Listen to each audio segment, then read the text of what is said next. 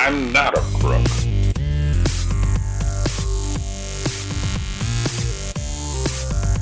But because they are hard. Welcome to Presidential Deathmatch, a place for the real gents of history. Dennis is still out on assignment, so you're going to have to make do with me for a tad bit longer.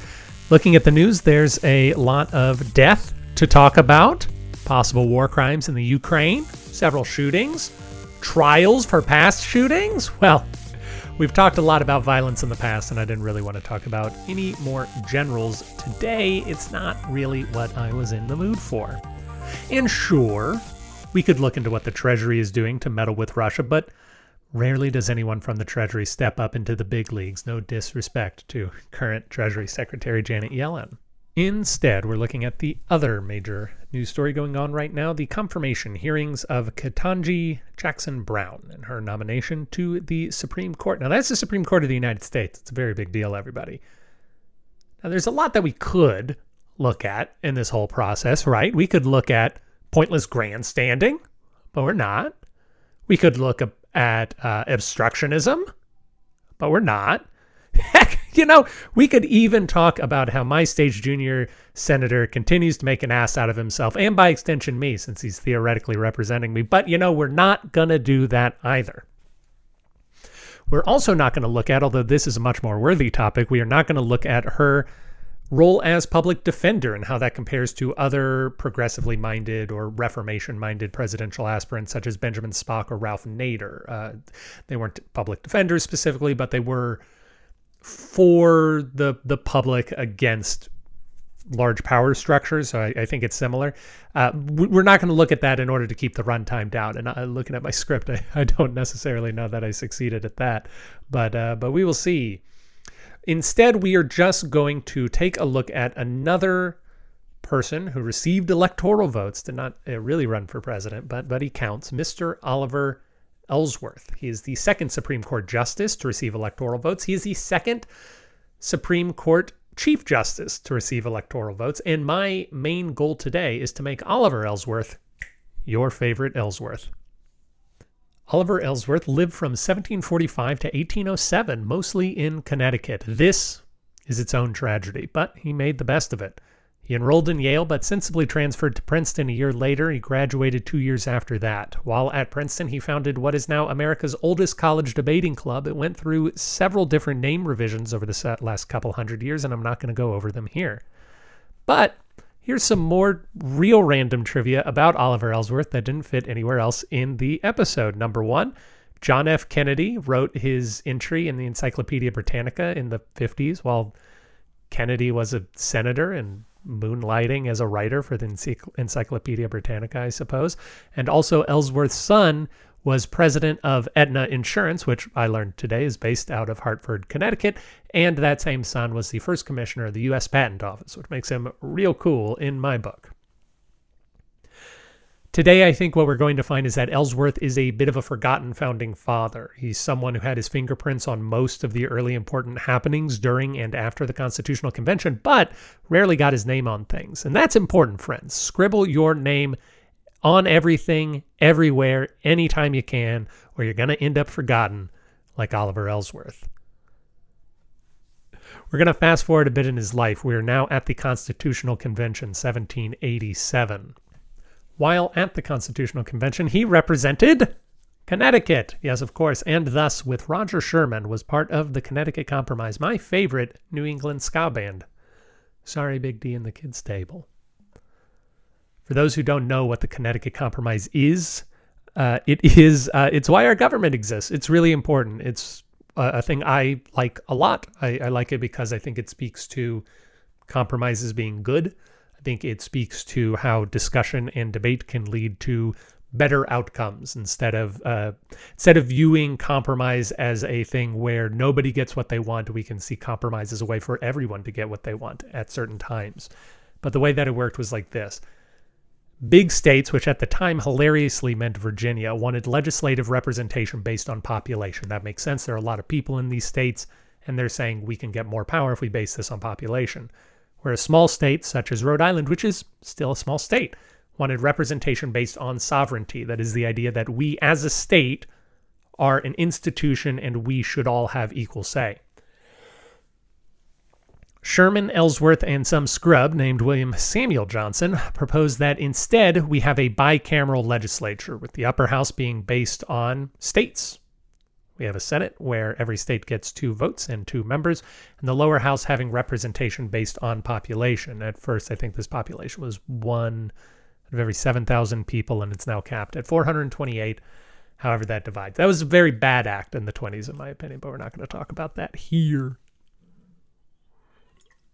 while this idea of a bicameral legislature has come under fire, really um, uh, state apportionment is is the part, the thing that the small states wanted. Oddly enough, is is come under fire from people I'm going to dub as sore losers who don't want to try and compete on ideas.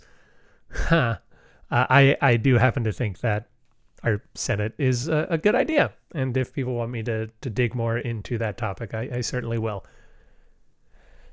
Ellsworth also, somewhat trickily, enforced calling us the United States of America. Now, he didn't make up the term, which was used by Tommy Jay in the, the old Declaration of Independence, as we well know, but he was the person who, anytime they said, uh, so our nation should do this, he said, whoa, whoa, whoa, the United States of America should do this. Specifically, it, it was to reinforce the idea that we are a confederation or we are a republic. We are a lot of individual pieces that are coming together. This is going to be important later on. Similarly, this idea also has been under a lot of attack over my lifetime, but I am a real big believer in federalism. Although he would foolishly leave town before the signing of the Constitution took place, he did write the influential, in Connecticut, Letters of a Landholder. We have a recording of him reading his work here.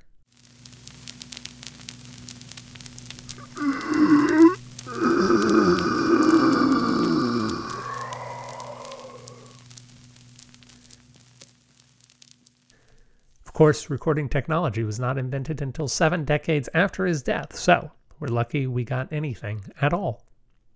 In seriousness, the Letters of a Landholder was a less popular version of the Federalist Papers, and it's uh, good. I, I, read through it. It's it's good. It's interesting. It's technical, uh, and it's hard to pull a soundbite from.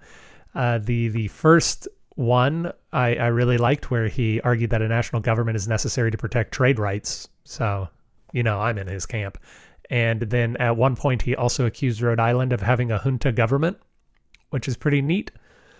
But uh, but mostly the various letters from a landowner are just arguments in favor of the Constitution, trying to uh, be a proponent of the Federalists against the Anti-Federalists. And he did speak up in the Connecticut legislature for for this, similar to James Iredell, who we heard back in the Christmas New Year's profiles episode. James Iredell, who got uh, got they eventually got the Constitution ratified in North Carolina. After the Constitution is ratified, he became a senator for Connecticut. As sadly, he was not the one who was the diplomatic envoy to the wild country of Vermont. He was a strong supporter supporter of George Washington, and he was the Mitch McConnell of his day. I say this both because of his general reputation as a schemer, but also because he he got stuff done, unlike the other guy. John Adams called him the firmest pillar of Washington's whole administration in the Senate. Very cool. Aaron Burr said that if Ellsworth had misspelled the name of the deity with two D's, it would take the Senate three weeks to expunge the superfluous letter. I assume it was snappier back then, what with attention spans being longer and all that. The main complaint against Ellsworth is that he liked to have private negotiations and, and come to agreements ahead of time rather than uh, be in public debate like they did on the House floor. Again, this particular idea has been attacked quite a bit, but I think it helps to avoid the grandstanding that comes from knowing that you want to run for president. And in this way, he, he reminds me positively of current Senator Kyrsten with eight Y's Sinema. Now, friends, did you think we were going to get out of this episode without referencing Hamilton? If so, you're a fool. So there's a song in Hamilton. You know it because uh, I, I, assume you've memorized the the musical as I have. Uh, the Room Where It Happens is a song where Aaron Burr, the uh, the the wit of Aaron Burr, laments the fact that he's not where the political power is. He's a senator at this time, just like Ellsworth is. He's a bit of a baby. Actually, no, that's not true. He's not a senator yet. Well, I feel like an ass now, don't I? Not editing it out, though. It's important for the people to hear me realize my problems in real time. Uh, but he's lamenting the fact that he's not where power specifically is, and it tracks the idea of Hamilton's having trouble getting his financial plan put into law, and the the Southerners want the capital moved close out of New York, closer to the South. Ellsworth is the guy, once this decision is brokered, Ellsworth is the guy who moves this through the Senate. James Madison moves it through the House. Ellsworth is the guy who gets both of these bills shepherded through the Senate. So, where was he, Lin Manuel? It makes sense. He got to cut a lot of things from musicals. Among the other things he did in the Senate was help make North Carolina a state after it ratified the Constitution, and he somehow squashed that junta in Rhode Island. I'm a little unclear as to how it happened, but it, it might have involved putting down a Native American rebellion, which is, is a little bit uncomfortable. It's unclear what he did, but but he somehow forced Rhode Island to become a state. North Carolina and Rhode Island were the last two states to ratify the Constitution. Throughout this entire thing, he was a close confidant of George Washington, and he eventually convinced him to send John Jay to negotiate the Jay Treaty, which we've talked about in a previous episode as well. But basically, that kept us out of war with Britain, and I am always for staying out of wars with Britain, as long as they give us independence when we ask for it. I have, friends, been building up to the greatest trick Oliver Ellsworth ever pulled when he did an inception on America in a crazy fashion and I don't know whether you're going to have to bear with me cuz cuz the whole plot of this is pretty technical and it's circumstantial. Uh, but I I would like to think that he is being a, a a schemer in the sense and he's being a little trickster as opposed to just being a guy who changed his mind or even worse a guy who uh, believed one thing when he was out of power and then decided to do something else once he got into power. But but I think it's a trick. I, I really think it's a trick. So Oliver Ellsworth is at the Constitutional Convention. He's on what they call the Details Committee, and the Details Committee uh, is is helping with the language and it's helping with like the finer points of exactly how things are going to work. So other committees are setting up the big superstructures of the United States government, and the Details Committee is filling in the gaps. During his time with the Details Committee, he thoroughly expunges the idea of judicial review out of the Constitution. We've talked about judicial review a lot. You've learned about judicial review in school, but uh, but if you don't recall, judicial review is the idea that uh, that the courts, specifically the Supreme Court, can declare laws invalid if they go against the Constitution. At the time, this would have been a federal thing. Uh, with the 14th Amendment, it also means that the Supreme Court can invalidate state laws.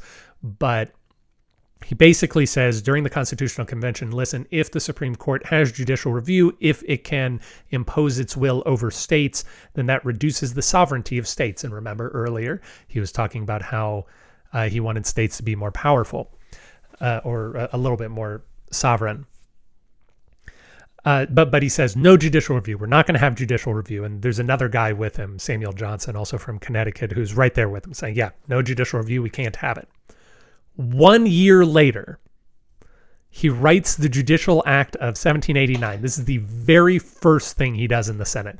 He gets into the Senate, he starts writing the Judicial Act of 1789, and in the Judicial Act of 1789, in a run on sentence to end all run on sentences, I believe it's something like 170 words long, he enshrines the idea of judicial review into law. He, he writes that the Supreme Court of the United States has the power to oversee all laws in the jurisdiction of the United States. He does this after publicly decrying it, and then he then goes out on uh, to speak publicly in the Connecticut legislature about how necessary this law is if the country were to function at all. He says that without uh, judicial review, that the courts don't have the teeth in order to do anything. Uh, incidentally, and not as germane to this particularly fun argument that we're trying to have, uh, this this act, the Judicial Act of 1789, also established the entirety of how the federal judiciary worked, including the fact that there is a Supreme Court Chief Justice and Associate Justices like Ketanji Jackson Brown is interviewing to be. You forgot why we started talking about this, didn't you? I didn't. Oliver Ellsworth is the reason we have Supreme Court justices at all. Granted, somebody else probably would have come up with a similar idea if he didn't, but but he, he gets the credit right now. Uh, so so I think this is is very fun. Um, overall, what what has happened is he removed an idea that he knew was necessary, but that was divisive, something that might make states not want to vote for the uh, the Constitution because they would lose some power. And then he immediately puts it into law and then says, of course, this was always going to happen. It can't work without it. It is the third leg of the stool. And everyone just goes along with it. Uh, at the same time, James Madison, his weird mirror counterpart in the House of Representatives, is doing the exact same thing with the Bill of Rights. And in fact, there's a little bit of conspiring with the two of them because Madison's Bill of Rights safeguards states and citizens with uh, various rights, as well as the Ninth and Tenth Amendments that say things that aren't given to the uh, things that aren't given to the federal government and are prohibited to the states are given to the citizens, and things that aren't given to the United States government are given to the states to handle. And so James Madison is helping the the regular folks in the states. Oliver Ellsworth is happening uh, helping the national federal government. The two of them do this separately. Then they help get each other's bills through Congress. So we have uh, we've come this far, and we haven't talked about the fact that Oliver Ellsworth was a Supreme Court justice at all, and we haven't even talked about how he got the 11 electoral votes that he got, which is ostensibly why we are allowed to talk about him here on season three of Presidential Deathmatch. And honestly, I'm 19 minutes in at this point. Why even bother? You know, like, hmm, okay, I'll tell you. So Oliver Ellsworth in 1796 becomes the third Supreme Court Chief Justice, the fourth man offered that job, and the second guy to be approved by the Senate. Because if you remember correctly, the second guy that Washington appointed, uh, Dennis talked about him way back in our judge episode. The second guy Washington appointed, uh, he appointed during congressional recess, and then when Congress got back together, said, "No, we're not letting this guy be Supreme Court Chief Justice." Oliver Ellsworth is confirmed uh, pretty uh, overwhelmingly. I think it was 21 to 2 or 21 to 3 with two abstaining. And it's seen as a really big win for everyone, including the opposition Democratic Republican Party, since they got rid of a powerful Washington ally they say something like it's a it's a sad day for Washington and the Senate, but a great day for America overall that Ellsworth takes over as chief Supreme Court justice. However, he only gets to serve for four years before he retires due to ailing health. During his tenure at the Supreme Court, he pulls a sort of a privacy rule similar to what he did in the Senate. It was previously common for each justice to issue his own opinion at the end of each case. Ellsworth is the guy who says, no, no, no, we're going to do it together. We're going to figure out what the majority opinion is. Then I'm going to choose who gets to write the opinion. And then if we want to dissent or we want to concurring, we can deal with that. But basically, the Supreme Court is going to have one outward face. That is a tradition that continues to this day. And he had a few cases of prominence, although most of these cases are on real technical matters, not not things that uh, that, that an average person or a common person would would find useful in their everyday life. Most notably, he presided, at least in my opinion, over the first original jurisdiction case of New York versus Connecticut. That was the first time two states sued each other, and uh, naturally, he found for Connecticut. While he is Chief Supreme Court Justice in 1796, he gets 11 electoral votes. How and why? Well, it's a funny story. Uh, uh, of course, this is uh, before the 12th Amendment. So we're in the, the Wild West days of electoral votes. So he didn't really run for president. Uh, he is the guy that got too many votes, which led to Charles Pinckney losing out on the vice presidency. So he was like the, they said, Adams definitely going to be the president. Pinckney uh, is the guy we want for vice president, of course. Uh, and uh, we need some people to throw some votes to Ellsworth so that we don't get uh, a tie. Uh, and too many people did, and Thomas Jefferson became vice president. Overall, I think Oliver Ellsworth is a good reminder of the flattening that history goes through as it arrives to us. I'm reminded of a John Adams quote that he, he actually wrote. I, I looked it up. Uh, coincidentally, he wrote it exactly 232 years ago today, as I record this, April 4th. He says, The history of our revolution will be one continued lie from one end to the other. The essence of the whole will be that Dr. Franklin's electrical rod smote the earth and out sprang General Washington, that Franklin electrified him with his rod, and thenceforward these two conducted all the policy negotiations, legislation, and war. This idea, this frustration that Adams is is expounding is that we we forget that history is made up of a lot of actors and a lot of agents and a lot of people doing small things and a lot of people pursuing uh, really particular interests that it's rarely simple that the constitution of the united states all it says is that we have a judiciary. And it took oliver ellsworth sitting down and writing the judiciary act of 1789 for us to actually get that judiciary. How does it work what are the districts how does the supreme court look this is all work someone had to do, and it's work we don't think about. Most achievements, maybe all achievements, can't be ascribed to any single person. And we do well to remember that in our modern days, we push for more king like abilities for our executives or pin all, all, the blame on one person. Washington, uh, George, Was George Washington, I don't know if you know him, may be a larger than life figure, but he couldn't get things done without others. His second Supreme Court justice was outright rejected. He got borked because the confidence wasn't there. But we willfully forget that all of the time that these people aren't acting in concert and, and we we shrink ourselves down to in, in this case the president and we forget what it takes to make a society run. Goodbye and have a swell week.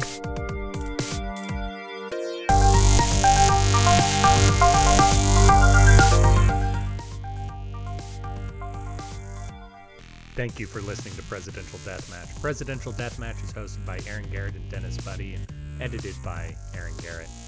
If you like the show, please consider giving us a review wherever it is. You can do that, we'd really appreciate it. If you didn't like listening to the show, well, why don't you come on back and give us another try? We really grow on you. If you want to reach out to us, you can do that at contact at pronoiatheater.com. You can also support the show in a variety of ways, including at pronoiatheater.com slash store. We hope you enjoyed it, and we hope to hear from you soon.